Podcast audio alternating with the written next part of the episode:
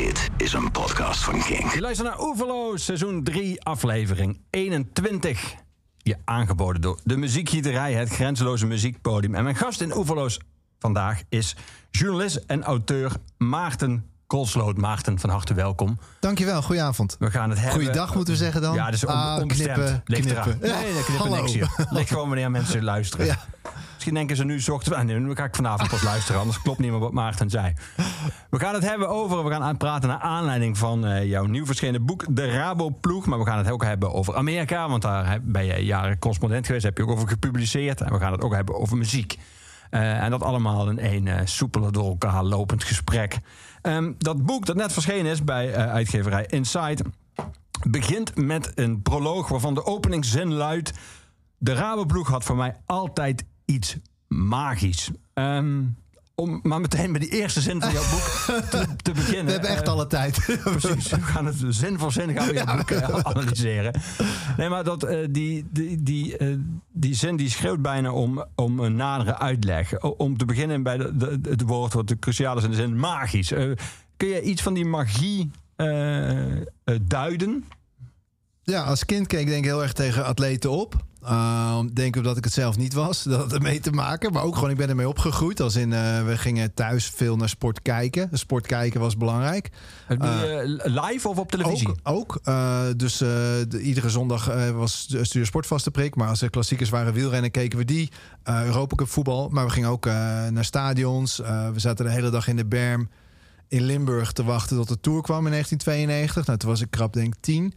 Eh, we gingen nou ook naar criteriums, maar ook andere sporten. Honkballen, als het Nederlands team eh, Europees kampioenschap speelde in Haarlem. Dan gingen we, we waren gewoon echt gek van sport thuis. En iedereen, het hele huis? Ja, iedereen. Ja, ja zeker. Ja, ja, mijn vader, moeder, mijn broer. Ja, dat is geen enkele uitzondering. De huisdieren waren er niet, dus nee, die niet meer. Nee, nee dat, dat ademde absoluut sport. Eh, dus, dus, dan, ik denk, ja, ik, ja, dat was wel, weet je wel, dan, dan, dan wordt het helden in verschillende sporten en in wielrennen ook.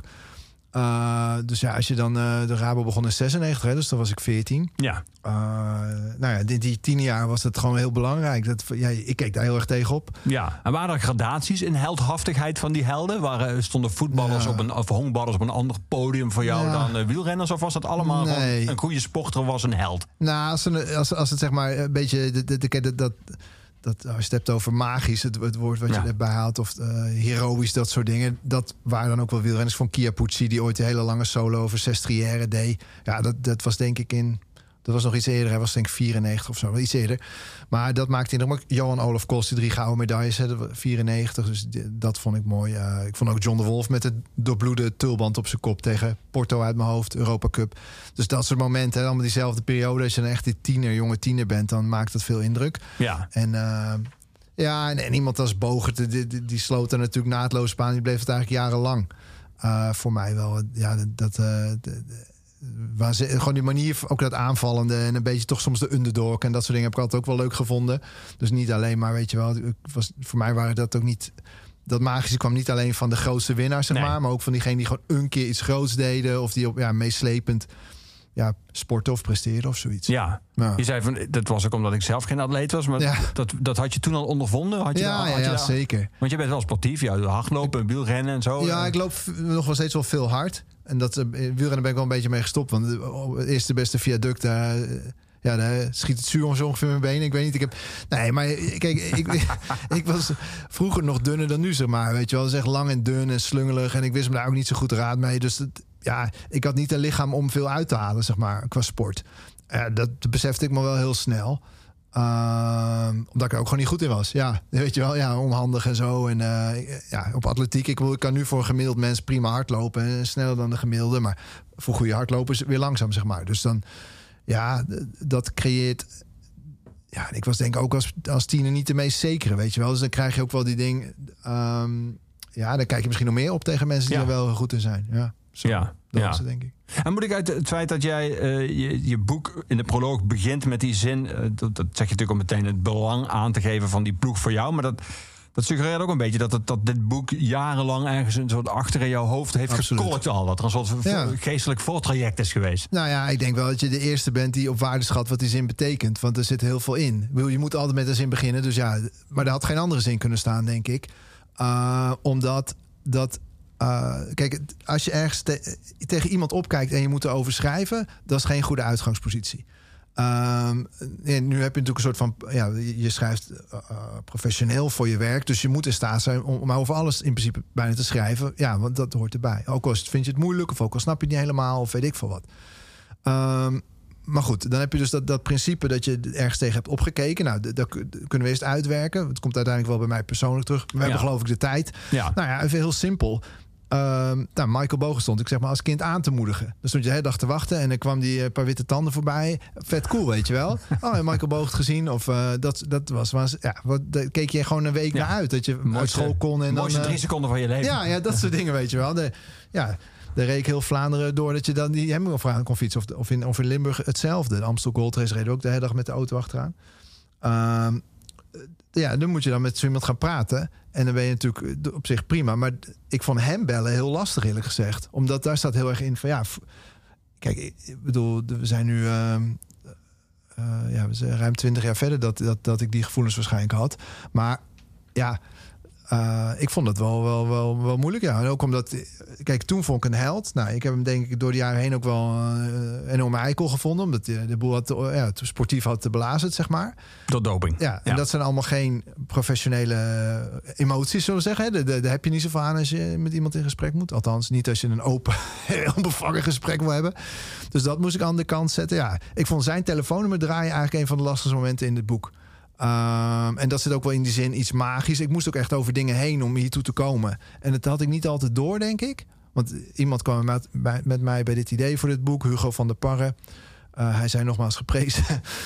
En ik begreep dat het idee goed was, maar ik wist ook wel dat ik zelf over een aantal hobbels heen moest om er te komen. En niet alleen qua inzet of werk of zo, maar ook gewoon ja, mentaal. Dat je gewoon een onderwerp waar je vroeger zo gek van was, dat je daar ja, open over moest vragen. Iedereen eh, moest kunnen benaderen. Ook ja, mensen waar je tegenop hebt gezien, open benaderen. Nou ja, dat heeft wel een paar jaar gekost om dat goed te kunnen. Ja. ja. Nu schetste jij net dat beeld van jullie gezin. Allemaal eh, sportliefhebbers. eh, Ja. Ook in het geval van wielrennen. Mensen die in de auto stappen. en aan aan de, zeg maar, langs de kant gaan aanmoedigen.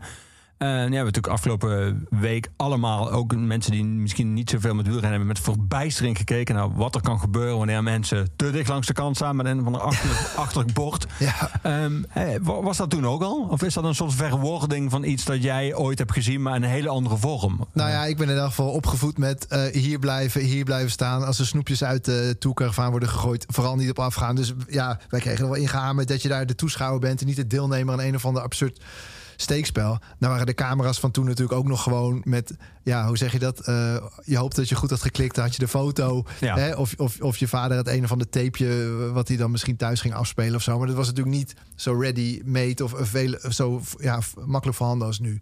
Dus ik vind wel dat we nu anders omgaan met publiciteit of zo. We willen zelf heel graag in de publiciteit.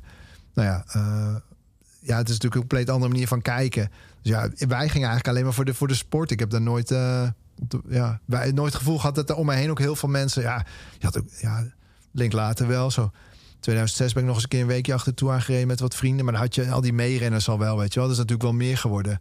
Ja, het is nog wat groter en spectaculairder geworden. Maar in mijn jeugd heb, heb ik dat nooit echt zo ervaren. Het was gewoon Nee. gaaf, weet je wel. Je ging gewoon kijken. En, eh, Ja. ik heb iemand ja. die wat verder van die sport afstaat, is het best wel een verbijsterend beeld dat dat kennelijk Ja. mogelijk is, Ja. überhaupt. Want er zijn weinig sporten waar je in staat kunt zijn als willekeurig bezoeker om Ja. een hele wedstrijd eh, te verneuken, doordat je zo dichtbij staat. Maar ja, het is natuurlijk ook wel, wel gek, weet je. Want dit speelt natuurlijk al jaren. hè. Je hebt die, die, die Duitse gehad, die heette Ja. geloof ik die, die Senf of zo. Die, met, die, eh, met die drietand. Die liep dan mee. Nou, dat was denk ik vanaf die Ulrich-periode. Want dat was een Duitser. Eh nou verdiende hij ook nog wat geld aan, geloof ik. Had op een gegeven moment, dat, eh, wat had hij allemaal? Een paar merken op zijn op drietand staan of op zijn pakje. Ja. En die man, ja. Nou, hij was er dan. Met, met Armstrong gingen er ook van die gekke Amerikanen mee rennen. Ja, ik heb een paar voor ogen met een soort van, eh van mijn Lady Liberty op de kop of zo, weet je wel. Met een vrijheidsbeeld en van die Stars and Stripes pakken of half naakt of weet ik veel wat. Ja, dat is wel steeds gekker geworden. Het is natuurlijk eigenlijk wel raar, want de wereld om die wielrenners heen is heel erg veranderd. Maar Ja, en heel erg geprofessionaliseerd. ja, wel. Maar de, de, ik vind die wedstrijdorganisaties en, en hoe ze. Ja, die hebben nog steeds op een heleboel eh, van die ja, eigenlijk basisvragen niet echt antwoorden, toch? Veiligheid. En eh, door, eh, we hebben deze week toeretappen gezien waarbij er een paar kilometer voor de finish gewoon over een soort van boerenlandweg wordt gecrossed met 60 km per uur en, en, en 200 man. Nou ja, dat, eh, ja, er is van alles ontwikkeld rond die sport. De gekte is toegenomen, maar de goede oplossingen voor de veiligheid zijn er kennelijk niet. Nee. Gek. We gaan muziek draaien, ik zei het al. Eh, muziek voor een deel, muziek voor jouw keuze. eh, nummers waar jij iets mee hebt. Maar ook, ik heb ook vrij veel muziek uitgezocht... die op de een of andere manier iets met wielrennen... of met de fiets te maken heeft. Oh, dan- we gaan nu luisteren naar een nummer als eerste... waar het eigenlijk samenkomt. Eh, namelijk iets waar jij zelf iets mee hebt... of hebt gehad in ieder geval... wat ooit in jouw leven een rol heeft gespeeld. En dat over fietsen gaat. Namelijk een nummer op fietsen van Skik. Kijk, Ehm Skik was een band waar jij vroeger was naartoe ging? Eh, nee, skik eigenlijk niet. Nee. Nee, ik ben. ehm, heb ik er nooit. Misschien wel eens op een festival of zo. Het zou kunnen. Maar ze hebben eigenlijk meer te maken met wat ik, waar ik later... Ik ben veel in Emmen geweest voor een boek wat ik heb gemaakt. En de mensen daar vinden dat natuurlijk helemaal fantastisch. Dus dat is wel... eh, ja, ik heb dat nummer nu zo vaak gehoord... dat het wel een beetje van een persoonlijke hitlijst hoort. Want dit, dit boek associeer je eigenlijk met die tijd dat jij in Emmen je research deed voor jouw boek over... ja, voor eh, Emmen. Ja, voetbal. voor de voetbalclub. Ja, FC Emmen. eh, Een jaar gevolgd. eh, Een droomseizoen heet dat boek. Ja, En ja, veel van hun... Ze draaien ook skik in, in dat stadion voor de wedstrijd begint. En wat hebben ze... het is een soort anthem geworden van de club. Ja, van de club en ook van die regio. Wat zij, en, en die mensen op een gegeven moment omarmden ook wel van... in het Drents, Spiet is voor altijd of zo. En wat is er nog een? Nou ja, er zit nog een zin aan vast. Maar in ieder geval dat soort kreten, die, die hoorde je daar wel veel. Een soort van, dat ze zichzelf wilden oppeppen of zo. Dus ja, ik vond het wel mooi. Ja, we gaan naar luisteren. Op fietsen van Skik.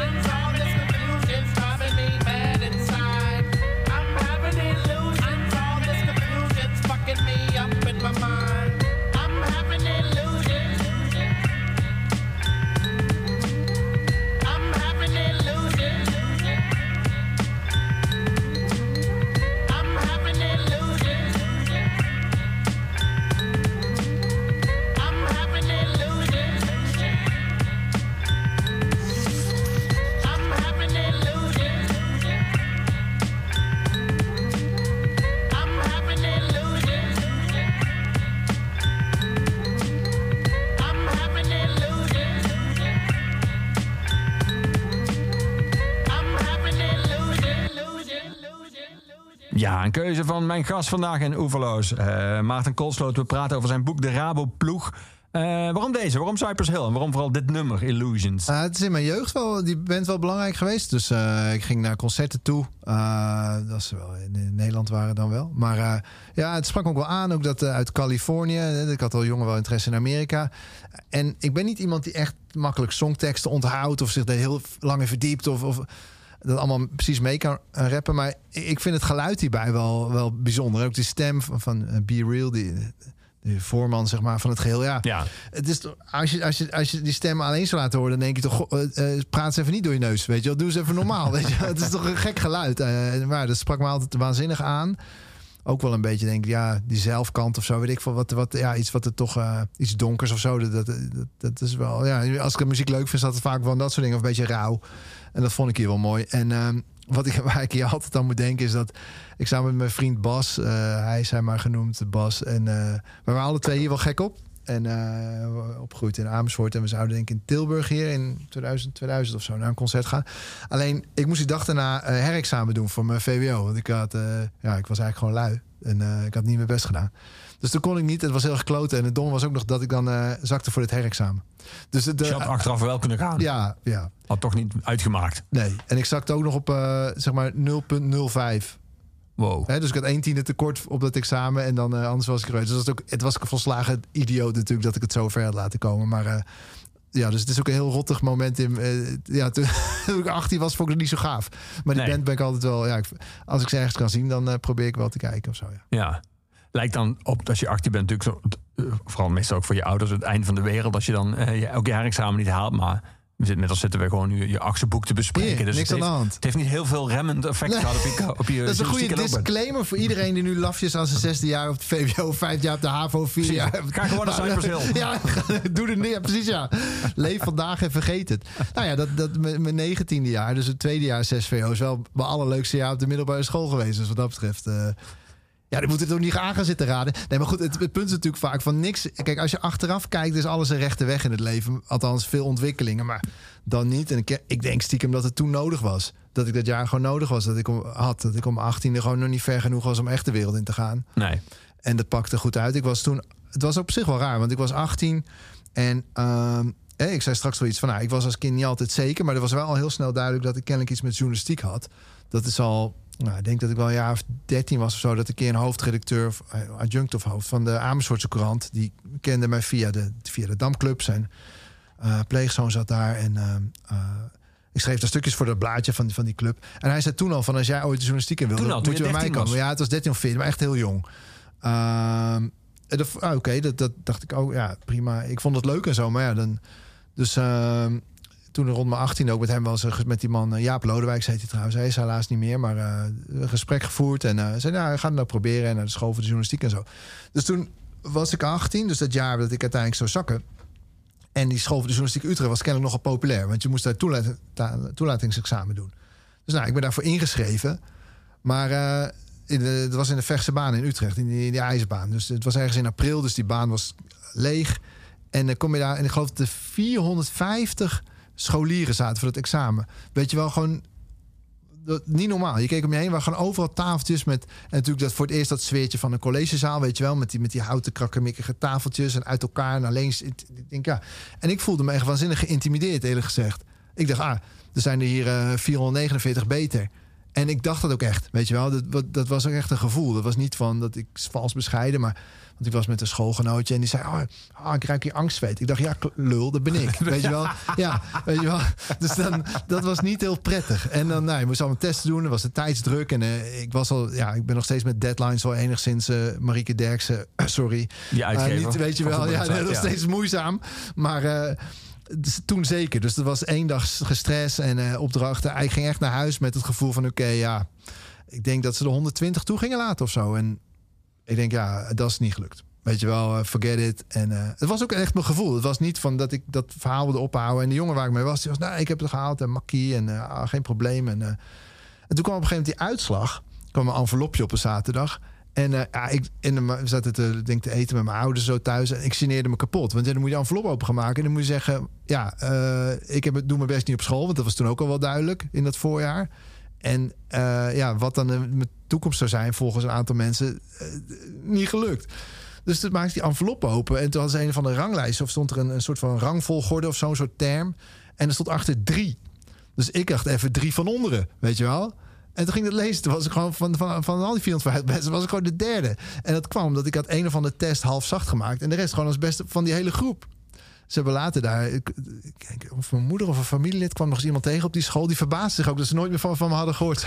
maar dat, dat- ja, dat was, maar dat was wel zo'n moment dat je denkt... ah, wacht even. Vervolgens natuurlijk lachend gezakt voor het eindexamen... want ik denk niet dat alles klikte of dat ik alles snapte... Ja, ik was toen gewoon niet volwassen, denk ik, of zo. Of niet eh, met gewoon met andere dingen bezig. Heb wel een heel leuk tweede, ja, wat ik zei, heel jaar 6 VWO. En dat een beetje geleerd wie ik wilde zijn en waar ik heen wilde of zo. Toen uiteindelijk niet naar Utrecht gaan, maar naar Groningen, naar de universiteit en psychologie. Eerst pro- geprobeerd filosofie. Nou, dat, ik ben zeker geen filosoof. En Toen psychologie en daarbij een master journalistiek. Dus uiteindelijk viel alles goed. Ja. Maar wel echt met een omweg naar dat vak toe bewogen. Omdat ik gewoon, ja, ik weet niet precies waarom. Dat is moeilijk te zeggen nou zo. Heb Misschien je die je nog- doortastendheid van je, van je moeder? Want je haalde weer in het boek een, een, een, geweldige anekdote. aan dat jullie via het eh, inmiddels helaas verdwenen tijdschrift Sportweek kaarten wonnen voor het, eh, voor het WK. Wielrennen in Limburg. En dat jullie toen aankwamen, toen bleek dat jullie eigenlijk best wel slechte plekken hadden. Plekken waar je gewoon eh, hartstikke nat werd. En toen zag eh, jouw vader een lange, kale man lopen. En die herkende hij als Herman Wijfels. De, Ja. de hoogste baas van de Rabobank. De Rabobank, die natuurlijk van de Ja. Raboploeg. Dus heeft jouw moeder heeft gewoon de baas van de Rabobank aangesproken. ter verantwoording geroepen. Precies. En die, eh, die is wel, natuurlijk wel wat gewend. Maar dat ken ik niet aan jouw moeder. Dus die heeft gewoon jullie eh, nieuwe, nieuwe plekken gegeven. En dat is wel van een doortastendheid die je in de journalistiek ver kan brengen. Heb je die Ja. van haar? Nou ja, in de eerste plaats eh, kregen wij toen plekken toebedeeld... allemaal op de VIP-tribune... waar we eh, drie van de vijf eh, met wie we waren geen recht op hadden. Maar, en ook gewoon, we hadden gewoon kaarten op een overdekte tribune gekocht... voor drie mensen en dus twee Ja. VIP-tickets gewonnen. Ja. Dus ja, we hadden daar geen recht op, maar ze was zo overtuigend. En wij ons vonden denk ik zo vervelend dat zijn medewerker dat allemaal regelde. Ja, kijk, in dit vak, ze is zeer overtuigd van haar zaak zo nu en dan. En heeft dan er werkelijk geen enkele rem en, en gaat er vol voor. Uh, en dat is een waanzinnige eigenschap, ook als journalist. En ik heb dat zo nu en dan. Maar ik denk als je 12 maanden in een jaar hebt, dan heb ik denk ik uh, vier weken wel en, en 48 niet. Dus die vier weken moet ook een hoop in gebeuren. Ja, precies. Uh, en en ik, ik ben wel iets, uh, denk ik, uh, vlotter gegeneerd van mezelf dan in elk geval uh, mijn moeder in die situatie. Ja. dus dat, de, ja, daar heb, ik heb iets meer rem, iets meer flair zou ik wel kunnen gebruiken, ja. Maar soms ook wel, weet je wel, er zijn wel maar af en toe momenten dat je denkt van, oké, okay, als nu die voet dan toch tussen de deur zit, dan ram ik hem er ook helemaal tussen. Ja, Ja. dat wel, ja. Die Raboploeg, dat is een van de, de meest succesvolle Nederlandse wiel, wielerploegen die ooit bestaan heeft eigenlijk. Je hebt dan te maken, als je een boek daarover maakt natuurlijk met, alle, met, met de wielrenners. Ja. Je hebt ook te maken met uh, de bank, de Rabobank. En je hebt te maken met een soort van enorme uh, elephant in the room, uh, doping. Ja. Dat, dat, dat, dat, wist je van tevoren. Zeker. Dat, dat, toen je begon met mensen benaderen voor dit boek... en, en ze uitlegt dat jij het verhaal van de Raboploeg... Ja. met alle ups en downs wilde vertellen... hoe, hoe reageerden de eerste mensen die je belden of mailden of aansprak? Nou, die uh, gooiden die olifanten onmiddellijk in het midden van de kamer. Het ging meteen over doping? Ja, ja, ja, zeker bij... want ik waren een paar mensen in het wereld die ik dan kende... of wel eens had ontmoet of zo. Ik had daar geen groot netwerk. Ja, daar begon het meteen over. En uh, ja, sommigen wilden ook meteen niet praten. Uh, maar die, de, hun uh, verwachting was: jij wil het hebben over de. Jij gaat een boek maken voor dus ja. jij zal het wel over doping willen ja. hebben. En daar heb ik geen zin in. Exact dat. Wil, uh, dit was de uh, eerste keren dat ik hierop ging bellen, is denk ik eind 2015, begin 2016 geweest. Ik denk dat ik januari 2016 voor de eerste keer echt een wat serie telefoontjes ben gaan doen. En dat waren letterlijk de reacties. Was ook natuurlijk 2016 was het een paar jaar geleden dat je dan bloedbroeders had gehad. En dat en de, de, heel knap boek, echt alleen maar over doping. Ook terecht dat er een boek alleen maar over doping was. Ik bedoel, er is veel gebeurd. Um, en, en wat publicaties daarna, 2013 denk ik de autobiografie van Rasmussen. Ja. Met natuurlijk veel doping. Dus dat was een tijd waarin dat uh, ja, allemaal heel nog veel levendiger was dan nu. Sowieso voor biografieën. Kijk, 2016 zat te dicht eigenlijk nog op 2012. Het einde van het team, wat natuurlijk alles met doping uh, te maken had. Ja. Dus dat was wel een. Um, ja, je moet toch denk ik 10, 15 of 20 jaar na gebeurtenissen zitten om echt een knap verhaal eruit te halen. Althans, als er nog uh, dingen verborgen liggen, zeg maar. Uh, dus ik was misschien daar wat vroeg mee. Die, te tegenwerking was lastig. Tegelijkertijd waren er wel wat mensen die, die toch wel wat toegang gaven. En die toch wat, wat vervoelden. En ook wat langere gesprekken wilden. Waardoor je in elk geval wat meer leerde over die tijd. Uh, maar uh, ja, ik denk. Kijk, ik heb me op een gegeven moment wel beseft van. En dat is, vind ik met sportbiografieën vaak. Kijk, er zitten in een voetbalkleedkamer zitten 25 man of zoiets. En we interviewden drie. Namelijk de scorende spits, uh, de goede middenvelder... en als de keeper het verkloot, dan de keeper. Of de trainer, weet je wel. Dat is ja. Maar die andere twintig, die zien dezelfde wedstrijd. Die maken hetzelfde mee. Dezelfde anekdotes, dezelfde uh, spanningen, verhoudingen, in, inzichten. Ja, en, en, en, en in de dagelijkse journalistiek hoor je die niet veel. Nee. Dus ook voor zo'n Rabo-ploeg waar echt honderden en honderden mensen voor hebben gewerkt. Dus hadden een profteam, veel renners, maar ook een amateurteam en een juniorenteam een aantal jaar. En natuurlijk heel veel personeel. Enorme groep mensen. Dus op een gegeven moment besefte ik me ook wel van ja, als je nou aan de bovenkant van die piramide uh, of van die ijsberg, ja, wat eraf glijdt of zo, onder water zit de rest. Dus ben ik gewoon wel breder gaan bellen. En, en daarom is het ook geëindigd met zo'n grote groep geïnterviewden, wat, wat meer dan 270. En is het project van groot uit de hand gelopen. Maar dat was denk ik wel de enige manier om het te doen. Ja. Omdat kijk, zoveel mensen gesproken, maar er zijn ook best wel veel die niet wilden. En daar ja, hoef ik ook niet echt een geheim van te maken. Dat is gewoon zo. Die hebben er geen zin in, die hebben nog belang in die wereld, of die vinden het te pijnlijk. Ook heel veel pijnlijke herinneringen. Of ja, gewoon, of hebben nog geheimpjes. Nee, kan ook. Ja, Ehm, want je schrijft in het begin van het boek... de, de eh, negativiteit die in veel gesprekken opduikt... is op zijn minst opmerkelijk. Op zijn minst, ja. ja, is dat omdat jij nog eh, die eerste zin in je achterhoofd had... dat voor jou nog een soort van magie eh, in zat? Of was je, eh, had je dat inmiddels wel terzijde geschoven? Ja. Was je dan nog steeds ook weten daarna wat er allemaal gebeurd was... en alle doping en zo... was je nog steeds verbaasd over het feit dat mensen niet per saldo... eigenlijk gewoon trots waren op Ja, dat je toch dat er niet een, moment is dat je daar overheen stapt. Dat je gewoon zegt, oké, dat hoorde er toen bij. Want het blijft toch. Ja, want kijk, want er wordt dan altijd voor ook degene die wel gebruikt gezegd, ja, maar bijvoorbeeld of, of term als iedereen deed het, of, of, of ik moest wel, of dat soort hè, om het te vergoeilijken, zeg Ja. maar. Nou, stel je vindt dat waar, wat is dan het probleem om er open over te zijn? Want als dat toch zo, en dan nog is er die rem. Het zijn wel een paar uitzonderingen. Rasmus is er één. Nou ja, dus, dus ja. ehm, nee, die magie. Ik had wel begrepen dat dat deel van de magie er niet was. Alleen het heeft wel langer geduurd. eer ik soort van de, de diepte van de pijn erachter zag. Bij anderen dan, hè? Voor Ja. mij op zich, eh, ja, ik heb geen naald gezien, dus ik heb nergens last van. Alleen eh, die, eh, dat je van die jeugdwielrenners en ehm, eh, tegenkomt. Ik, ik vind altijd Bram de Waard een goed voorbeeld. De jongen uit Noord-Holland, die echt een waanzinnig talent was. En die gewoon ja, bij de amateurs al merkt als hij in Italië ging fietsen, dat ze dan voor de, de, de, heet dan de heel misleidend de baby Giro, maar dan gingen de Italiaanse amateurs met een buideltasje, toiletruimpje in, eh, rokje in, en dan kwamen ze daar knipoogend weer uit. Ja, eh, God weet wat ze erin hebben ge- uitgesproken, maar ze gingen wel heel hard fietsen daarna en iets harder dan die Hollandse jongens die in Nederland de allerbeste waren. Uh, dus ja, die, die liepen tegen die dopinggrens aan. En zo'n Bram, ja, die, die moest die keuze maken, die wil niet. En dat is echt wel rot. Want bedoel, je hebt dat talent. Iedereen om je heen zegt, je kan het halen. En dan moet je eigenlijk mee. En dan, kan, dan wil je dat niet. En uh, dat deel, en ook de, dat heeft op een gegeven moment mijn ogen geopend. Vanuit heb ik de journalistiek wel iets... Nou, ik vond dat ik iets te pakken had. Nou ja, aan de reacties te merken is dat kennelijk zo. Maar dat je denkt van ja... Dat is dus die andere kant van het verhaal. En dat is denk ik soms ook wel eens van ja, al die, die grote jongens die er wel miljoenen hebben verdiend, ja, die hebben dit ook aan meegewerkt. Ja, die zijn misschien niet allemaal persoonlijk verantwoordelijk dat, dat, dat Bram de Waard de top niet heeft gehaald. Maar ja, die hebben wel in een wereld geopereerd waar dus ook andere andere keuzes maakt. En, en dat wil ik ook wel laten zien. Van ja, uh, we hoeven niet alleen naar die eerste drie te kijken voor, voor het showverhaal of het mooie. Maar dat, dat, dat, dat hele ruwe, dat zit ook in dit soort dingen. Ja, ja. ja. We gaan zo verder praten. We gaan muziek draaien nu. Uh, wielren gerelateerde nummers ga ik nu draaien.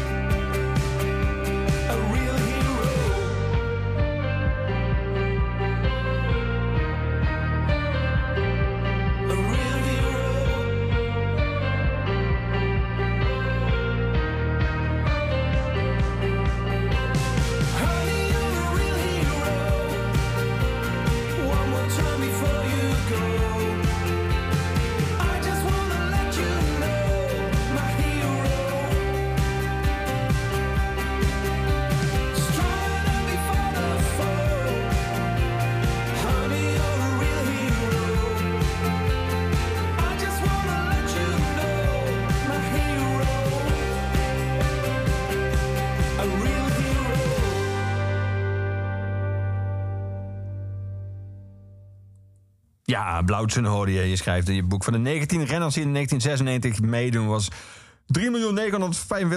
3.945.000 euro aan salarissen uitgetrokken op een totale sponsorbijdrage van 7 miljoen gulden. En voor 1997 liggen al 12 van de 19 vast. En de eerste die je noemt is Michael Blauwtsoen.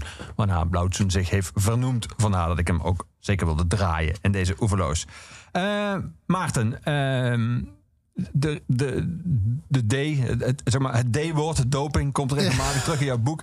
En dat ligt ook wel een beetje, want daar ben je tussen de regels door... en soms ook iets minder tussen de regels door... eh, op een gegeven moment eh, wat kritisch over de rol van de journalistiek eh, Ja. daarin. Je schrijft ergens in- in je boek... lastig voor de pers is ook de oesterachtige structuur van de sport. Het wielrennen kent van ouds een zwijgcultuur... waarin wielrenners zo min mogelijk met buitenstaanders over doping spreken. Wel leken de renners onderling op de hoogte van wat hun collega's in het kleine wielerrenwereldje deden, of hadden ze daar eigenlijk van een aardig gevoel over. Renners die opeens veel harder gingen, of die de ene maand heel goed waren en de andere maand heel veel slechter. Geen profremmer die geloofde dat dit op natuurlijke wijze kon. In die, die zin was het een nooit goed functionerende omerta. Wat wel goed werkte, schrijf je vervolgens, was een verborgen systeem van solidariteit. Dat ervoor zorgde dat journalisten die dicht op het wielrennen zaten... niet al te gretig zouden speuren naar dopingverhalen. Maar, schrijf je dan, daar komt eigenlijk de priemende vinger richting je vakgenoten. Wat hield die journalisten dan tegen om eens goed te graven? Het grappige is dat jij eigenlijk zelf het antwoord op die vraag ook in jouw boek geeft. Wat hield ze tegen? Handig, hoef ik het nou niet te formuleren. Precies. De romantische stroming, zoals jij dat noemt, die heel sterk was in de wielerjournalistiek. Dat is een soort een romantisch idee eh, over. Weet je, het ook, dat, want alle metaforen die daarbij Ja. horen van de fysieke pijn en Ja. de kleine man die de, de berg bedwingt en zo. Zeker. Dat, en dat, dat, dat, dat is een beetje vervelend als daar een soort harde werkelijkheid doorheen Ja. strooit. Dus dat is zand in de motor van. eh, Ik kan het niet beter zeggen tot nu toe. Nee, maar je hebt zelfs opgeschreven. Boek citeren. erover zegt, bedoel ik. Ja. Maar dat, dat is een blik die jij aan de ene kant in het boek niet lijkt te hebben. Omdat je gewoon heel grondig eh, doorvraagt en vooral doorzoekt.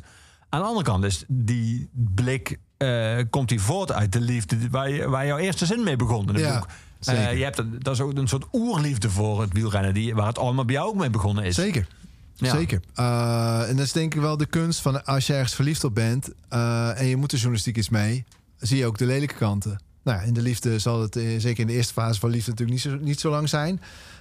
Maar goed, ik merk nu wel van ja, ik ben nog steeds wel een aantal dingen in het leven vind ik ontzettend leuk. En dan kan ik voor staan springen of juichen. Maar als ik erover moet gaan schrijven, dan gebeurt er wel wat anders in mijn hoofd.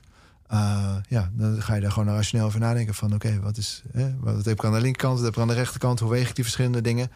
Ehm, ja, en dan kom ik toch wel eens tot de conclusie dat mensen die 30, 40 jaar in die wie- wielerjournalistiek hebben rondgelopen, ja, dat die die weging voor me niet altijd meer hebben gemaakt. En ik, ik beschrijf volgens mij de, hele context daarbij, dus dat ik het ook wel begrijp. Kijk, er ook gewoon dreigementen richting journalisten. Mart Smees is ook wel eens echt van de weg gereden bij Ja. het WK. Ja. Geloof Guus van John Hol- Nelis haal je ook aan. En, eh, ja, meerdere. Geloof Guus van Holland, als ik het goed zeg. Dan, eh, Ja. Dat je echt zeiden van, nou, we pakken je wel. En ook, nou ja, bedoel, noem het, Joep Dome en zijn collega John Hoofs. ja, van de Limburger. ja, die doen in de jaren negentig onderzoek naar een dopingnetwerk rond een arts in Geleen. Meneer Sanders. Ja, en, die, die, en die meneer Hoofs, dat- ik vind dat heel sneu. Want die, die man die, die wilde nu niet met me praten. Ik snap ook wel waarom. Want die, daar werden in zijn dorp gewoon briefjes opgehangen... van hij is een handlanger van Dutroux. Iets in die orde van grootte. Even letterlijk weet ik. Maar ieder geval, hij was gelinkt aan Dutroux. Complete nonsens. Absolute nonsens. En in zeg maar 697, Dutroux ligt eh, vers achter ons. Ook nog gewoon gevaarlijke shit, weet je wel. Ik bedoel, wie weet houdt iemand in zijn hoofd van... hij is echt een... eh, hij valt op kinderen, weet ik, hij doet ze met kinderen, weet ik. Ja. Dat is natuurlijk, dat is gewoon, ja, veel smeriger kan het niet.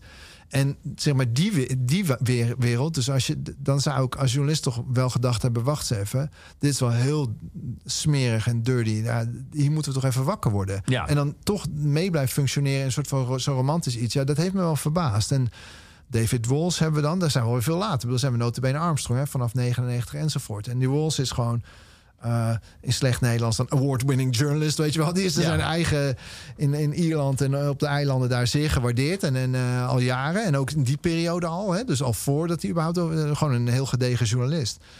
En die, eh, die man die wordt gewoon eh, weggehoond. Eh, zijn collega's willen niet met hem in de auto. Nou, ik heb er ook wat, nog wat, wat, wat dingen over opge- opgeschreven. En dat, daar heb ik wel moeite mee. Weet je wel, ik ben, eh, ik ben echt niet eh, de grootste rechtvaardigheidsstrijder sinds eh, wel- eh, Nelson Mandela of zo. Maar dat, zeg maar, dat je, ja, dat je op een gegeven moment echt alleen maar met jouw mooie plaatschetsen bezig bent. En dan gewoon collega's die gewoon goed werk doen. En die aan de kant schuiven, ja, daar kan ik echt heel slecht tegen. Ja. En dat heb ik, ja. is toch, ik weet niet, het zal niet eens een antwoord op je vraag zijn, gok ik. Maar dat gevoel. Jawel, ja. En dat gevoel is wel heel sterk. En dan vind ik ook wel van, nou ja, aan de ene kant... Ik heb daar ook wel eens hele tirades over op papier gezet... waarvan ook wel eh, mensen die met mij werken zeiden van... nou, dat hoeft nou ook weer niet. En dat zie ik dan ook wel. Want ja, ik bedoel, alle extreme zijn niet altijd, niet altijd waar of nuttig. Maar ehm, ja, ik heb wel geprobeerd eens goed te begrijpen... hoe, hoe die hele dynamiek werkte. En dan, eh, maar goed, kijk, de journalisten hebben natuurlijk ze- zeker niet alleen verkeerd gedaan. Je hebt eh, de UCI die gewoon echt de andere kant op keek eh, bij doping, de, wielenbond. Eh, nou, voor de Tour de France was ook belangrijk. Hè? Dat was ook, die mensen vonden het geweldig, eh, dat verhaal van Armstrong. Dus voor die ronde was het goed. Nou, voor een aantal sponsoren was het geweldig. Voor Armstrong zelf en zijn entourage natuurlijk miljoenen. Toen kwamen, toen kwamen bedrijven naar die sport. Nike en Oakley. Ja man, die hadden daar nooit iets mee gehad. En eh, de grootste internationale sportgerelateerde bedrijven waren erbij. ja. Dus dat hele veld snap ik wel. Maar wat je net zegt over de journalistiek, zo is ook wel hoe ik er naar kijk. Ja, daar kan ik niet eh, omheen. En, eh, Ja. Nou, daar ken je wel omheen, maar dan wil je er kennelijk niet omheen. nee, nee, helemaal niet. Ik vind ook wel. Maar komt het misschien ook omdat jij, wil je hebt een hele journalistieke kijk van eh, daarop, een journalistieke manier ook van het Ja. onderwerp benaderen. Dat viel me ook op toen je het had over de Rabo-jeugd, over Ja, eh, het feit dat er heel veel jonge mensen, 17, 18 jaar, waar eh, heel streng op voeding werd gelet. En die op een gegeven moment allemaal te maken kregen met, of in ieder geval niet allemaal, maar een, een belangrijk deel van ze met eetstoornissen, anorexia, bulimia. En ook jaren later nog last van hadden. Volgens diezelfde blik eh, die leidt tot een soort romantiek van de sport, of romantisering van de sport moet ik eerder zeggen. Is dit natuurlijk, hoort het er ook bij. Je moet heel veel ervoor laten. Je moet je Ja, lichaam een soort van bijna, eh, bijna pijnigen om tot het uiterste te gaan. Eh, acht uur trainen per blikje cola, dat soort dingen. Ja, gebeurde ook. acht uur trainen per blikje cola? Op een blikje cola, een blikje. En dan zeg maar vier uur en dan een blikje en dan vier uur naar huis. En dan zei je moeder, heb je honger? Ja, en dan nee. En dan ging je naar bed helemaal met een scheurende maag. Ja, Dat gebeurde, die jongens vertelden me dat. Dat was zo'n soort verhaal. Op een gegeven moment ben je, ja, nogmaals, die cirkel waarin ik belde werd steeds groter. Dus ik belde ook wel mensen op waarvan ik dacht: Oh, had jij wat met wielrennen? Oh, nou, en dan sprak je, en oké, op zo'n vrijdagmiddag bel ik er eentje op. En die vertelde eigenlijk uit het niets al die verhalen over zijn eetstoornissen. ja. En, en Is ik- dat ook omdat de tijd veranderd is? Ik bedoel, nu Ja. zowel psychische problemen zijn Ja, bespreekbaarder geworden. Maar het wordt- wordt eetstoornis. Ik kan me voorstellen dat destijds als een soort van...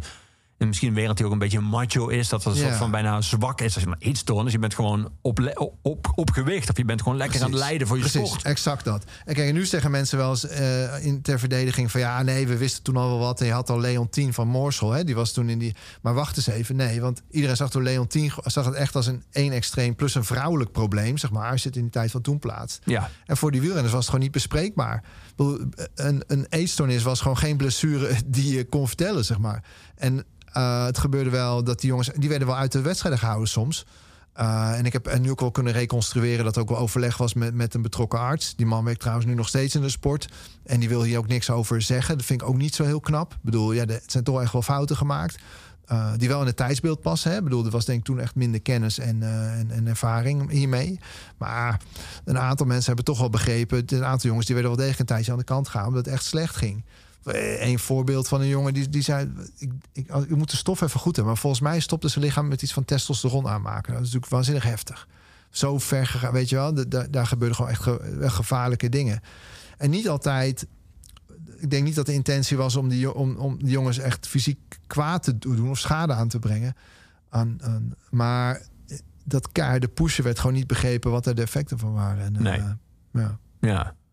We gaan muziek draaien. We gingen net naar de Tour de France uh, met Kraftwerk. We gaan nu met Jan-Willem Roy naar een andere wielerwedstrijd, namelijk de Ronde van Steensel. 1, 2, 3.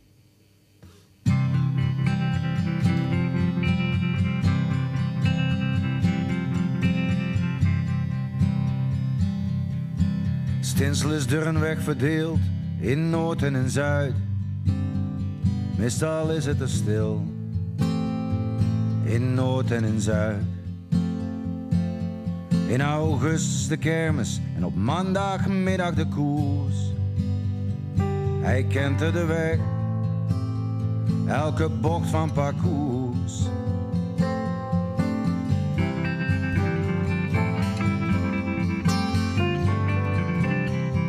Hij heeft harder getraind dan nooit, en is goed in vorm. Hij denkt dat het kan, beter was hij nog nooit. Toch één pilsje bij de hulkjes op zondag, maar hij ligt vroeg in bed. Mm, en hij droomt dat de krant op dinsdag schrijft. Een jongen uit Knechtsel wint de ronde van Stensel.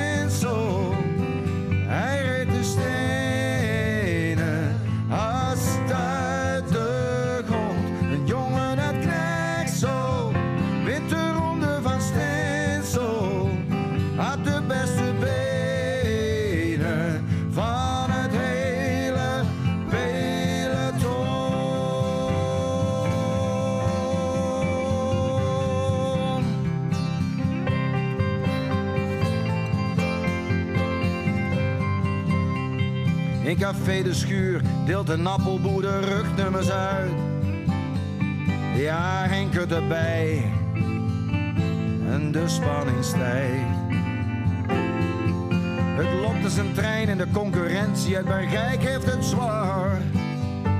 En hij kijkt nog eens ja, en denkt dat de krant op dinsdag schrijft. Een jongen uit Knechtsel wint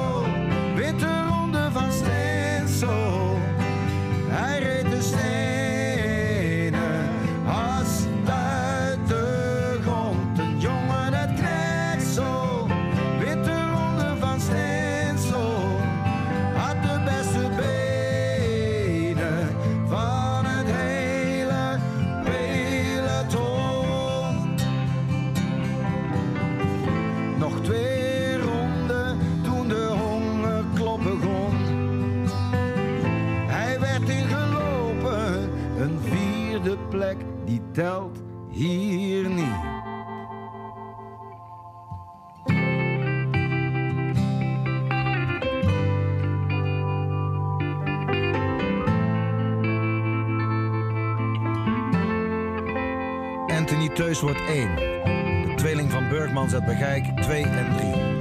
Erger Connie. Was niet mogelijk. Op een bruine boterham met appelstroop na. Hadden ze kunnen, konden ze schrijven.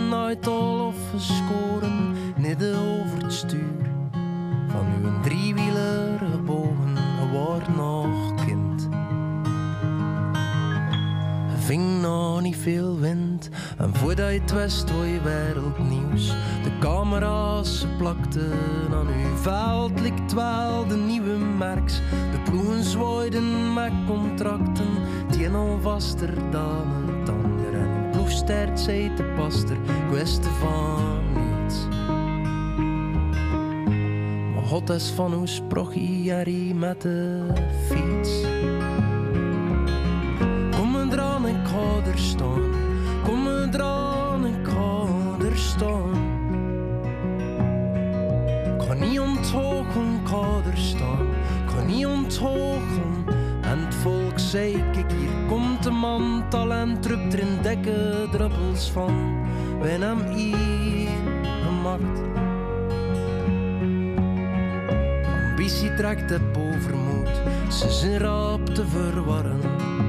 Een Een sputten proportie en een poete vete chique karren. Het was leven heb te groot verzet. Probleem van slechte mannen, ze staan altijd klaar.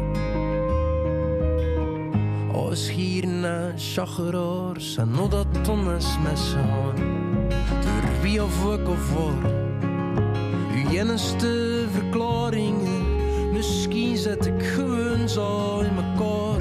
Was weer wereldnieuws. Ze pakten uit om mee, lijkt een bandiet. Hij zei, dat ben ik niet.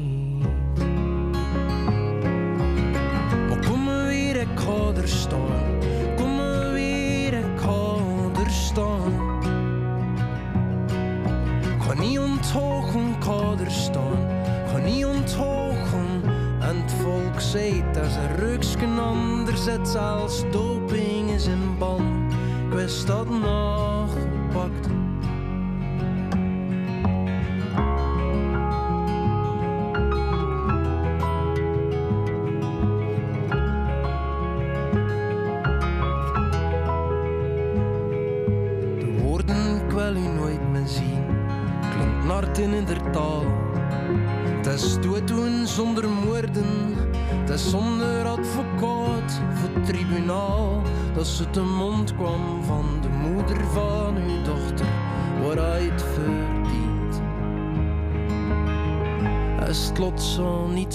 ontzien. Die laatste dag met dochterlief.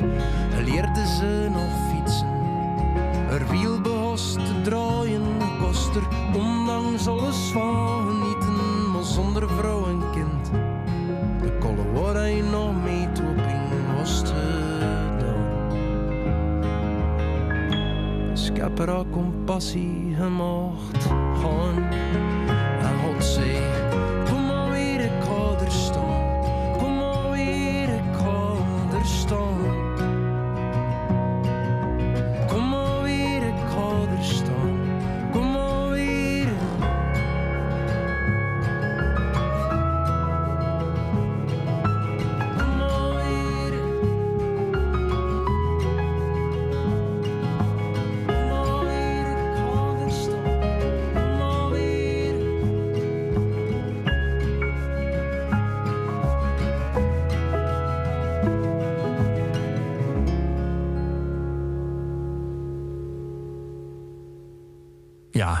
het lezen van de biografie van Frank van der Broeke schreef eh, Wannes Capelle een nummer ploegsteert. Het nummer dat ze juist hoorden. Was de gemeente waar Frank van der Broeke geboren eh, is.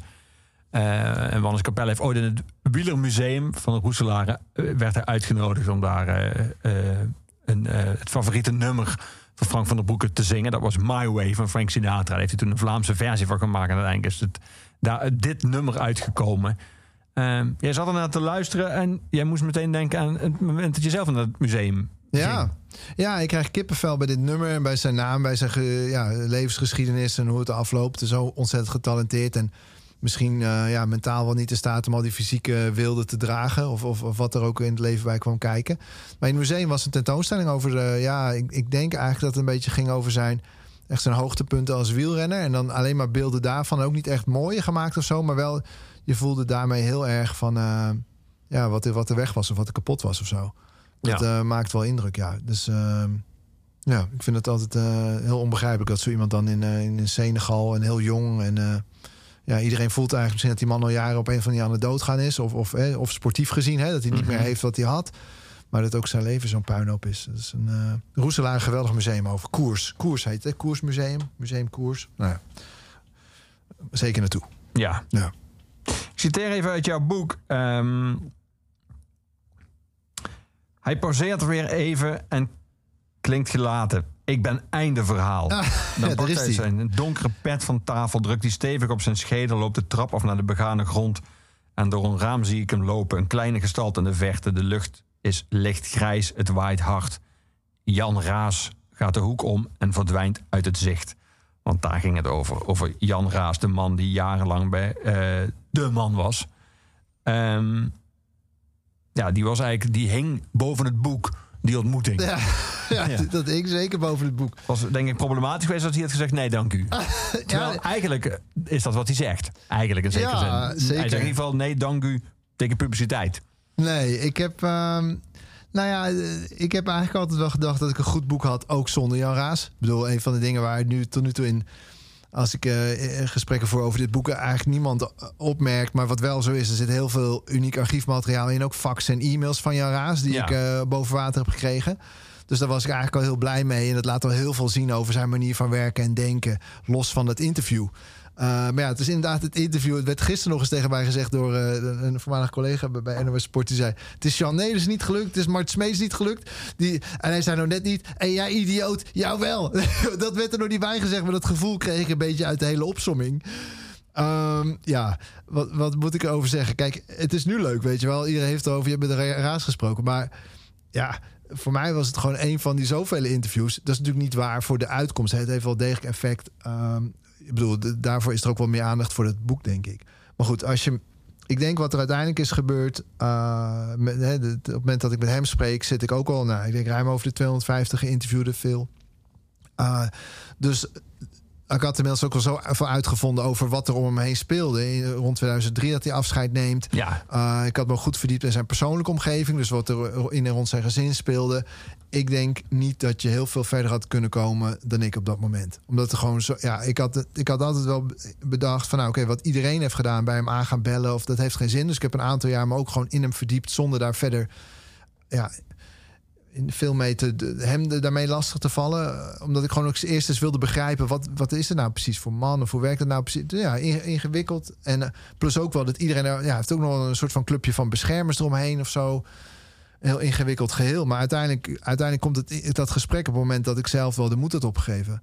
Uh, ja, dat is uh, nou, ergens in april geweest. En Hugo van der Parre, al namens eerder gevallen... is feitelijk mijn, mijn eindredacteur zei ik, Hugo, ja, wat moeten we nou met Raas? Moeten we nog weer iets opsturen? Want ik had hem al een paar brieven gestuurd en, en geen reactie, eh, logischerwijs. Want die kreeg niemand. En uh, toen zei Hugo, toch maar doen, altijd doen. Uh, dus toen heb ik eigenlijk een stuk opgestuurd wat, wat over hem ging. Wat, wat voor Ja. mij ja, een soort van concept... waar ik dacht hoe, hoe, hoe hij zeg maar, daar uh, weg was gegaan. Waarom, wat er speelde, waar hij mee zat. Nou, wat hij in mijn ogen ook consumeerde. heb ik gewoon alles wat ik dacht te weten. En opgestuurd. En ik heb daar ja, op mijn eigen krant, uh, de Gooi in Eemlanden, nog gezegd: hè, Dit is echt de postzegel, uh, weet je wel. Die kunnen we beter zo in de kliko keepen. Maar uh, binnen een paar dagen was er een mail. En, en ja, ik dacht in eerste instantie, ja, dat geloofde ik gewoon niet zo. Je denkt een beetje, ik word in de zijk genomen of zo. Jan Je Raas, geloofde niet dat die van eh, hem was. Nee, nee. Ik Je dacht, denkt, in eh, eerste instantie denk je gewoon. Jan Raas, janraas.gmail.com. Ja, dat heeft een buurman aangemaakt om mij even te naaien. Nee, maar ja, je denkt toch, ja. Nou ja, was het toch, uh, ja, wat was hem? En er waren eigenlijk heel simpele boodschappen. Er is kennelijk nog steeds veel interesse in mijn persoontje. En uh, we moeten maar eens praten. Afspraak was zo gemaakt in een hotel in Breda. Een plek waar hij vroeger al veel kwam. Uh, ja, en, en, en dat was ja, tot het moment. Dus ik op een, op, ik denk dat het een dinsdag was naar een, ja, een, een winderig en Breda en slecht weer. En ja, ik heb een, een, zaaltje gehuurd en dat, dat allemaal geïnstalleerd met. Ik denk dat ik hier ga zitten, hij daar. Wat, ik ga de trap af en dan staat hij voor mijn neus. Dan sta je wel heel raar te kijken, kan ik je vertellen. En uh, ja, nou ja, we hebben een 2,5 uur gewoon een normaal gesprek gehad. Hij was denk ik ook niet, niet boos. Dat merkte ik in elk geval niet, niet, in geval niet op mij. Ik denk wel dat hij niet zo tevreden was met werkelijk, uh, ja, nou ja, toch wel een paar honderd mensen die ook wat dingen over gezegd hadden. En een aantal daarvan uh, zeker niet flatteus. Uh, dus ja, het was voor hem denk ik wel... Hij was gewoon op een punt dat... Dit was zo duidelijk wat er ook niet goed ging met hem. Zegt hij daar niks over, dat kan eigenlijk niet meer. Nee. Uh, ik, heb, ik heb dat nooit zo zelf ervaren. Dat, dat kan niet meer, dat begrijp ik nu. Maar op het moment dat, dat ik daar zelf was, zonder zijn medewerking, zag ik dat denk ik niet. Ik heb gewoon gezien van oké, okay, ik heb dit verhaal verteld zoals ik denk dat het is. En daar heb ik heel veel voor gedaan en volgens mij zijn we er. Uh, maar dat hij daar nou ja, de, de bereid was om daarover in gesprek te gaan, dat is uiteindelijk wel heel waardevol. Ja. Uh, ik denk niet echt dat hij me iets. Ja, hij heeft me wel een paar dingen verteld die ik niet wist, maar voor de, voor de, voor de, zeg maar de, de dynamiek van het verhaal, de toon van het verhaal, niet. Nee. Want ik, ik, dat, dat denk ik niet. Maar uh, ja, het is toch, ja, wat ik al zei, het is wel grappig hoe dan één zo'n interview de status van je boek toch wat verandert. Ja. Ja. Je typeert hem in het boek als iemand die heel erg van de loyaliteit is, van de trouw is. Eh, Je, je schrijft loyaliteit en vertrouwen zijn belangrijk in een sport die van oudsher is vergeven van list en bedrog. Elke ploeg heeft daarbij zo zijn geheim en unieke werkwijze die je liever niet met de concurrentie deelt. Raas begreep dat en wist wat voor types er nodig waren om in die wereld te overleven. Mensen die niet aan zijn eindpak, aanpak twijfelen, die hard werken, hun mond kunnen houden en zonder morren zijn nukken accepteren. Voor mensen die meer behoefte hebben aan een gesprek of wellicht discussie, was er minder ruimte. En dat leidde allemaal tot een soort feodale horigheid die leek op de verhoudingen zoals die ook gold in het boerenland, waar de ploegbaas vandaan kwam. Ondergeschikte, gehoorzame de baas. Ja. Dat is de typering van Jan Raas. Dat, dat, dat is dus al zijn karakter. Dat is de manier waarop hij in die sport staat, ook in het leven staat. Er komt nog bij, daar leg je ook uit dat hij een zeer traumatische privégebeurtenis heeft moeten meemaken. Zij Ja. is overvallen in zijn huis, zijn gezin Ja. ook. Dus de man is ook eh, ja, Getraumatiseerd. getraumatiseerd, dat is wel Zeker, duidelijk. Ook zeker. waardoor. En vervolgens is, als je met hem in gesprek gaat, zegt hij. De laatste twintig jaar is gebleken dat journalisten en de media ongelooflijk veel moeite hebben met iemand die niet in de publiciteit wil. Toen ik dat las, dacht ik, ja, dit is wel echt een mediaduiding eh, met een hoofdletter M. Want dat is natuurlijk, het zit ook, er is eigenlijk niemand meer die niet in publiciteit wil. Iedereen Nee. wil beroemd zijn. Iedereen Nee, wil hier zitten we toch, Leon? Laten we reëel zijn. Wij zitten hier Ja. ook ons te, ja, verhaal te vertellen, toch? Ja. Precies. Dus dat is wel echt, eh, dat is wel de spijker op zijn kop van die man. Hij zegt, ze snappen er niks van. De mensen, mensen liggen toch geil te wachten tot ze in de krant mogen met een interview, een foto op, op televisie. En Raas, zegt Raas, wil dat niet. Daar hebben ze moeite mee blijkbaar. Ze zijn ze niet gewend. Ik wil gewoon met rust gelaten worden. En vervolgens kijkt hij jou aan en zegt hij... en jij hebt de zaak weer opgerakeld met je boek. Ik heb gezegd, Jan, ik geloof niet dat het me spijt. Maar ik begrijp wel wat je bedoelt. Ja. Maar ik, Nee, dacht ook ik snap hem ook. Toen ik dit las, dacht ik, ja, dit is inderdaad... dit is de laatste man die in Nederland... die niet bekend wilde zijn, maar beroemd is. Ja, de beroepste wielrenner van Nederland wil niet bekend zijn. Hoe moet daar nou mee? Nee, maar dat ik, eh, als hij dat zegt, ja, dat komt wel binnen. Ja, Toch ook van, ja man, daar zit je dan, weet je wel. Hij wil dat, ik bedoel, ik had hem ook wel zo begrepen uit al mijn onderzoek dat hij zo is. Dat hij heeft niet veel nodig. Er was eigenlijk één eh, gesprek, ook op een achternamiddag met een KNWU-bestuurder, voor mij Frank Buddels, die me eigenlijk uitlegde van... Uh, Jan is een prima kerel om mee om te gaan. Als die zaken met je doet, prima. Gaat het een keer mis, dan knettert het. Hè, ruzie of zo, maar dan is het ook klaar. En hij heeft eigenlijk niemand meer nodig. Hij zal je niks dan meer naderen. Het is gewoon klaar, weet je wel. Volgende. En toen heb ik eigenlijk me gaan realiseren van ja... Die man heeft goed geld verdiend, afkoopsom gehad. Uh, die heeft een mooi huis, uh, fijn dorp. Heeft de voetbalclub, de kaartclub. Uh, hij heeft familie waar hij gek op is. Ja, wat heb je dan ook nog meer Ja. nodig eigenlijk? Weet Om je wel? even te citeren, dus voltooid is niet onopgemerkt gebleven. Maar Nee. voor hem ook wel goed genoeg nu. Ja, hij heeft het gewoon goed. Hij heeft een leven waar hij tevreden mee is. En ik realiseerde me dat ook wel. Maar als hij dat dan zo zegt, dan denk ik ook... jeetje, Mina, weet je wel. Je hebt... Ja, ik, nogmaals, ik voelde me niet schuldig. Want dit is ook mijn werk. Je, je, je- ja, ja, als hij niks had gezegd, had ik prima gevonden. Nogmaals, ik was fair en ik had denk ik gewoon een goed verhaal. Alleen, eh, ja, nou, toch dankbaar voor dit gesprek. En echt heel dankbaar voor. Eh, maar dat, dat iemand dat gevoel heeft van dat hij toch wat ja, achterna gezeten, opgejaagd, noem het maar. Dan denk jezus, ja, dat is wel wat. En daar ben ik daar zelf ook weer onderdeel van. Dus dat, nou, dat geeft wel te denken. Ehm, ja, punt. Dat Ja. eigenlijk. Ja. Ja, en het is ook wel, eh, nou ja, ik moest er, ja. Ja, dit, ik moest van de week heel erg lachen. Want ja, dat, dat moet je natuurlijk met je kop op tv boven je boek te vertellen. dacht ik, ja, ik weet wel wat Jan hiervan vindt. ja, ja, ik had ook niks aan veranderen. Ja, het is zo, klaar. Ja. We gaan muziek draaien. Het beste nummer misschien ooit. De essentie van wielrennen, gevat door de raggende mannen.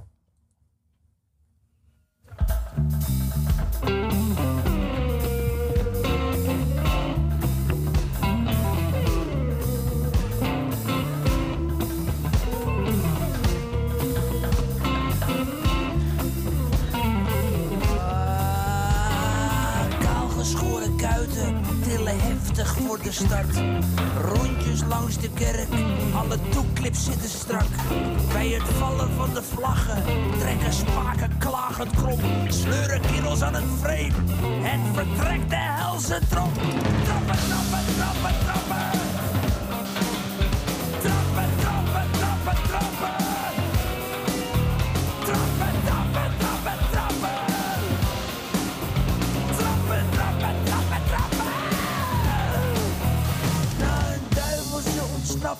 vallen rijders uit elkaar. Peloton dat scheurt in brokken, ploegen klitten bij elkaar. Janken van de radio, gillen van publiek. Laat het bloed van renners koken, stappen, trappen zoals muziek. Trappen, trappen, trappen, trappen. Trappen, trappen, trappen, trappen. Trappen, trappen, trappen, trappen. Trappen, trappen, trappen, trappen.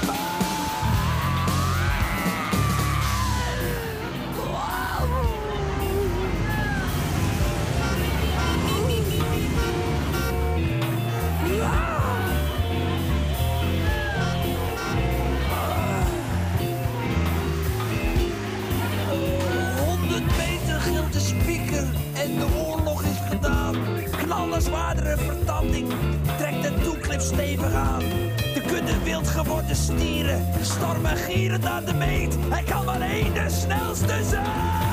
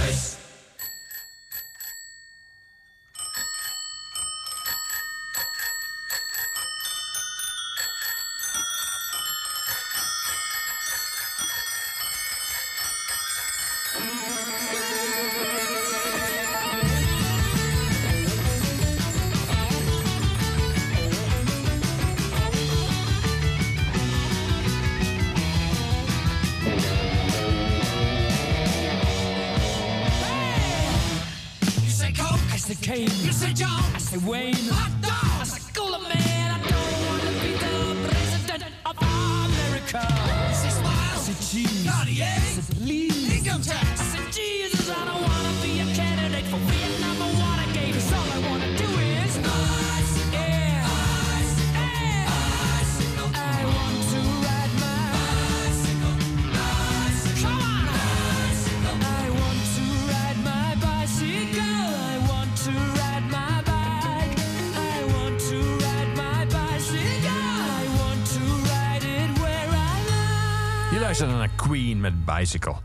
Eh, Maarten, eh, de Raboploeg.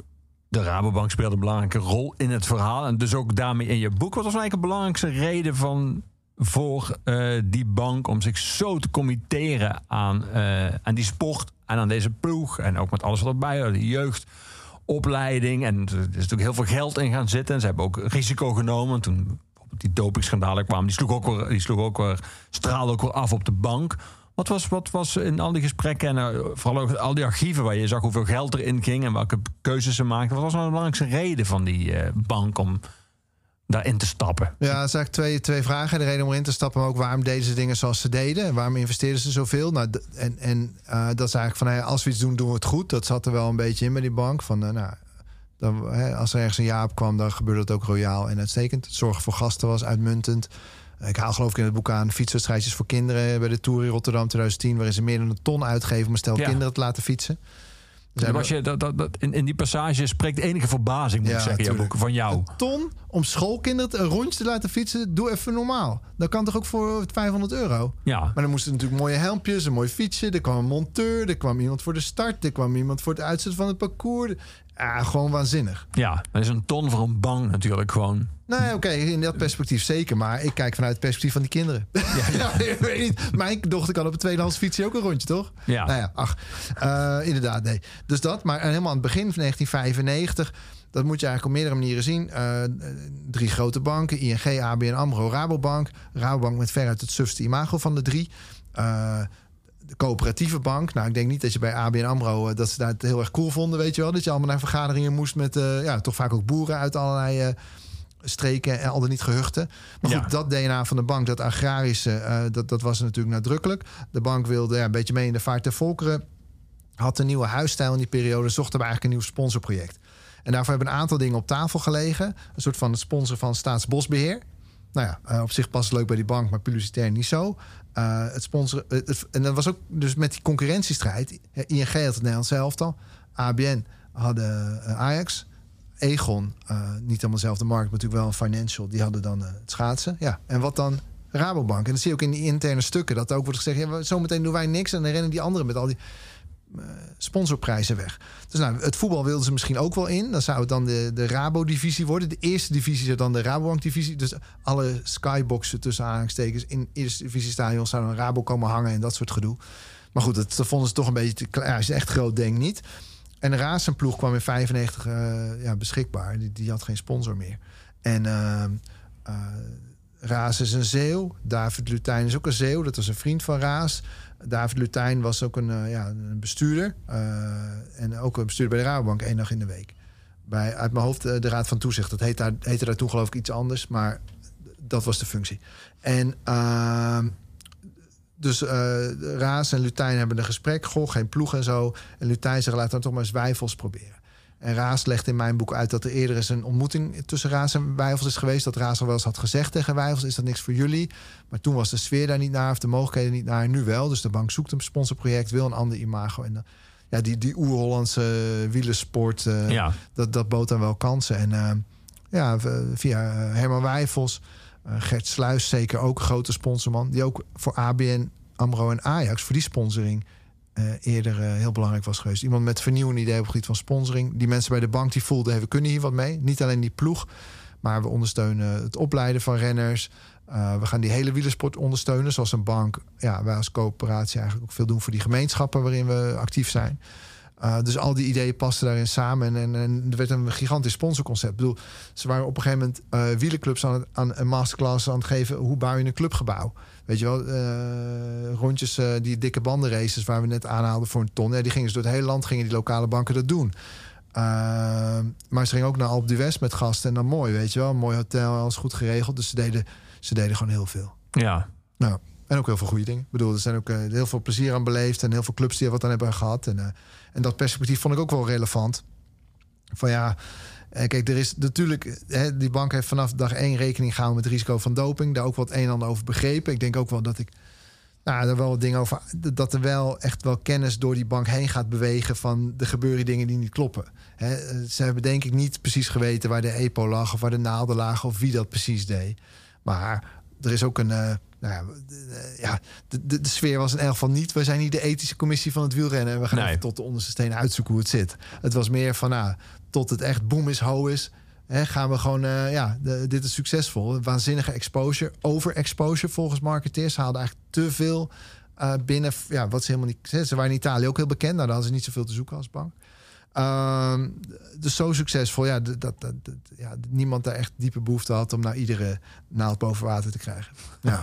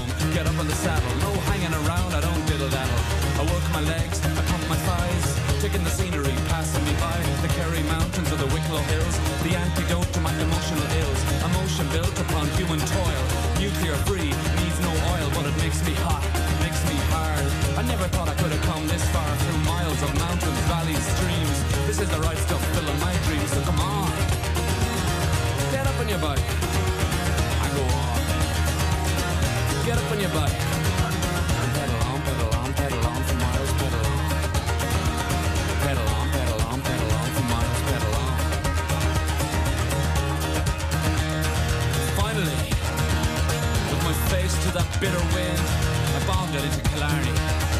Skin raw like a sushi dinner, and an appetite that would eat the hind leg of the Lamb of God. Even though you know I wouldn't dream of doing such a thing. I'll settle down for a quiet night think about what I've been seen and done and wonder.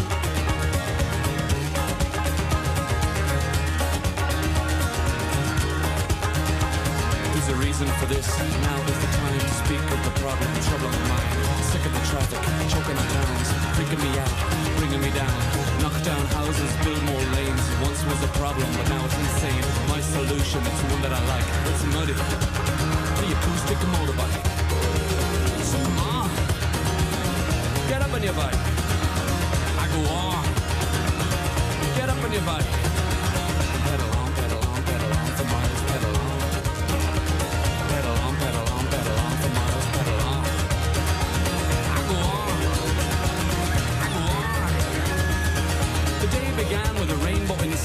Cycled into Kerry. Cattle grazing on a steep hillside looked well fed, well balanced, close to the edge.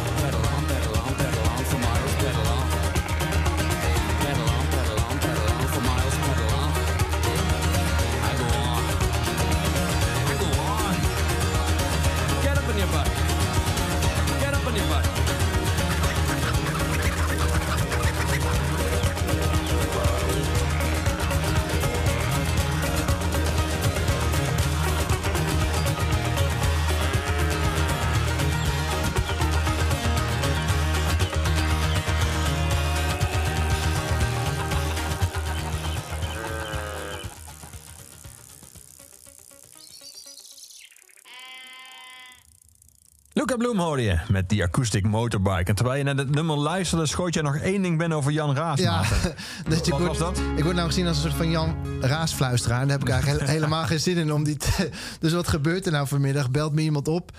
En die man zegt: Ja, ja, hallo. eh, ja, ik schrijf een biografie over Jan Raas.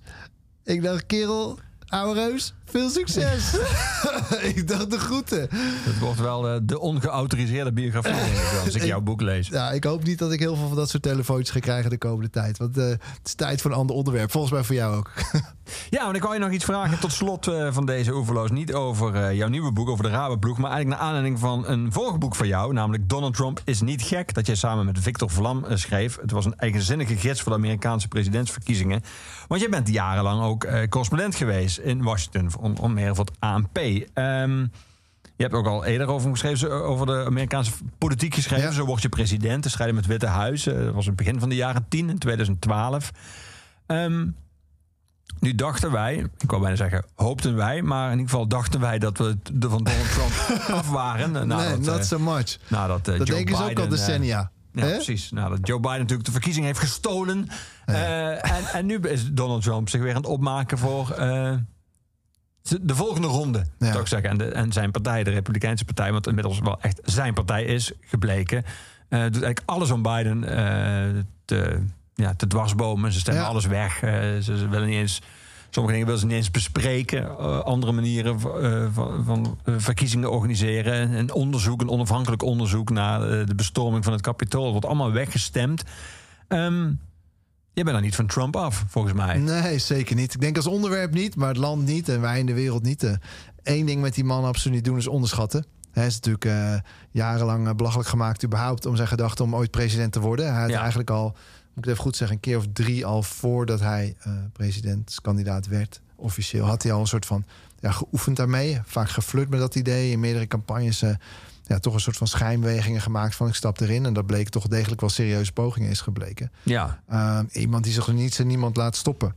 Vandaar ook die titel van jullie boek destijds. Hij is niet gek. is niet gek. Nee, dat is natuurlijk wel ook met de knipoog eh, eh, gedaan. Omdat we ook wel wel aangeven waarom hij, eh nou, hij toch ook hele rare dingen doet. En Hij is niet gek, maar hij is wel gestoord. Ja, nee, ik bedoel, kijk, er is nu nog steeds een strafrechtelijk onderzoek gaande. Wat, wat, wat kan gebeuren. Dat die man überhaupt zo lang eh, de, rechtbank heeft ontlopen. Nou, niet ontlopen, want heeft, de, de- ik denk, een paar duizend rechtszaken inmiddels gevoerd. Ja. Nee, tuurlijk, dit zijn absoluut hele vreemde dingen aan, aan hem. Eh, alleen het, het knappe is dat hij toch overeind blijft. En, en zelf niet ziet waar de val is, zeg maar. En daaromheen kan. En, en, en, en eh, ja, in elk geval, een waanzinnige verkoper is. Waarschijnlijk de, de, de- een van de beste campaigners of, of, of verkopers van Amerika. Ja. En natuurlijk Maar had jij destijds verwacht toen jij in 2012 ook al over Amerika schreef en correspondent wa- was? Toen had je, eh, je had de Republikeinse Partij. Dat was Ja. partij ook van mensen als John McCain. nog Een, Ja. een, een ongelooflijk fatsoenlijke man was. Zeker. Eh, en dan had je een vleugel. Je had de Tea Party. Dat was een soort van hele rechtse vleugel. Ook wel toen gevoelig voor wat toen nog niet complottheorieën heette. Maar een soort van alternatieve werkelijkheid zou ik bijna Ja. zeggen.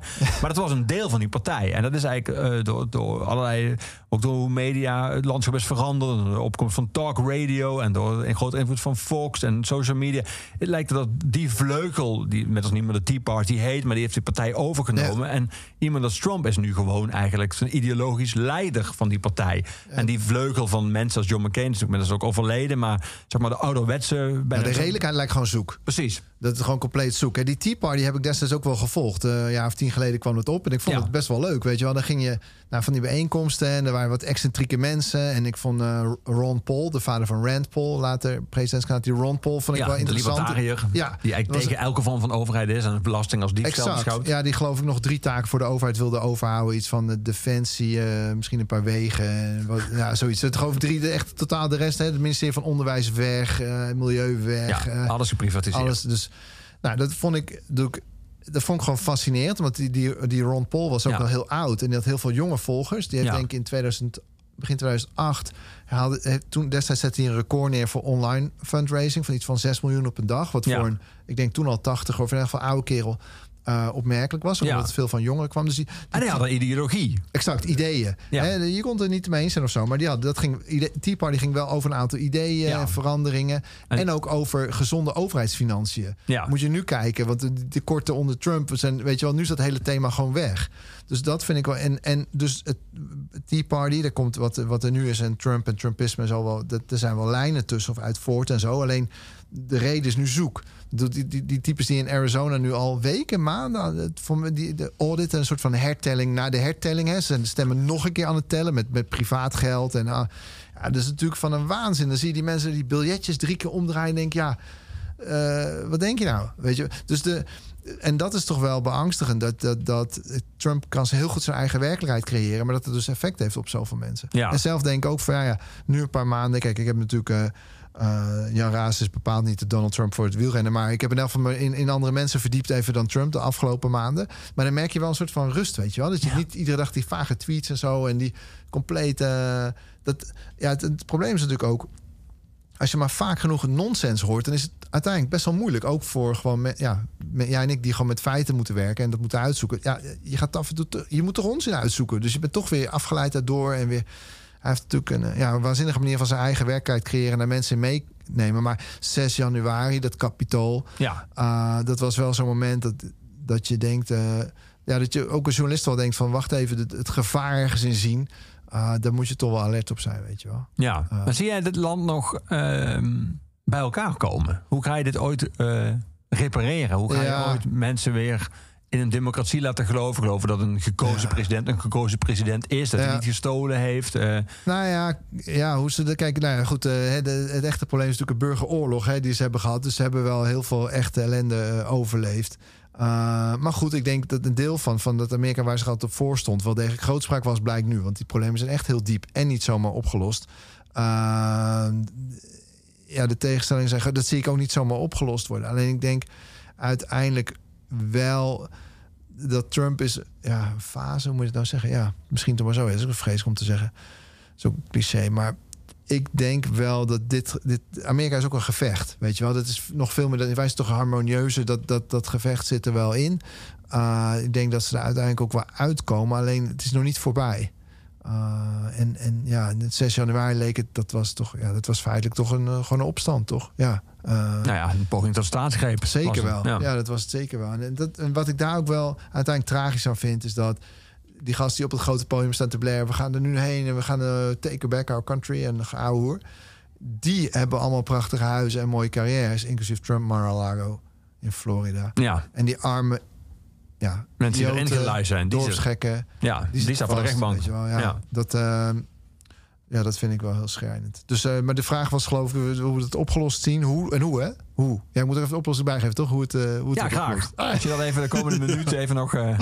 even de wereldproblematiek oplossen. En doe ook meteen Israël en Palestina. Dan. Ah, toch... Achter, ah, dat ging Jared Kushner al, dus gewoon zo. ja. Die ging daar allemaal bankiers bij elkaar brengen. Een soort consultancy oplossing. Maar nee, we zijn niet van hem af. Dat is wel... Nee, nee. Hij, ja, hij, hij wordt gewoon de volgende keer weer de kandidaat. Overigens niet zijn eigen geld, maar mensen die nog de, uh, doneren. Ja. Maar eigenlijk, dat wil ik eigenlijk zeggen... van het cynische van het hele politieke systeem wordt hiermee blootgelegd. Dat is natuurlijk niet Trump, maar ook democraten en andere politici... die om senator te worden, heb je tientallen miljoenen nodig. Dan zit je feitelijk ja, goed voor een goed deel van je leven... in elk geval zes jaar, maar vaak langer, lekker op dat stoeltje. Ja, dat hele politieke systeem, dat, dat hangt toch strak tegen corruptie aan. Uh, al dat geld, ja, daar moet je er niks voor terug doen. Ja, natuurlijk moet je er wat voor terug doen instemmingen en, en jouw zaakje bepleiten en zo. Dus ja, ik, ik vind het Amerikaanse politieke systeem, daar zit gewoon echt wel rot in. Ja. Uh, en, en Trump die, die, die, die vaart er op zijn manier uh, lekker in. Uh, maar hij is zeker niet de enige die, die, die, de corruptie aantoont, zullen we maar zeggen.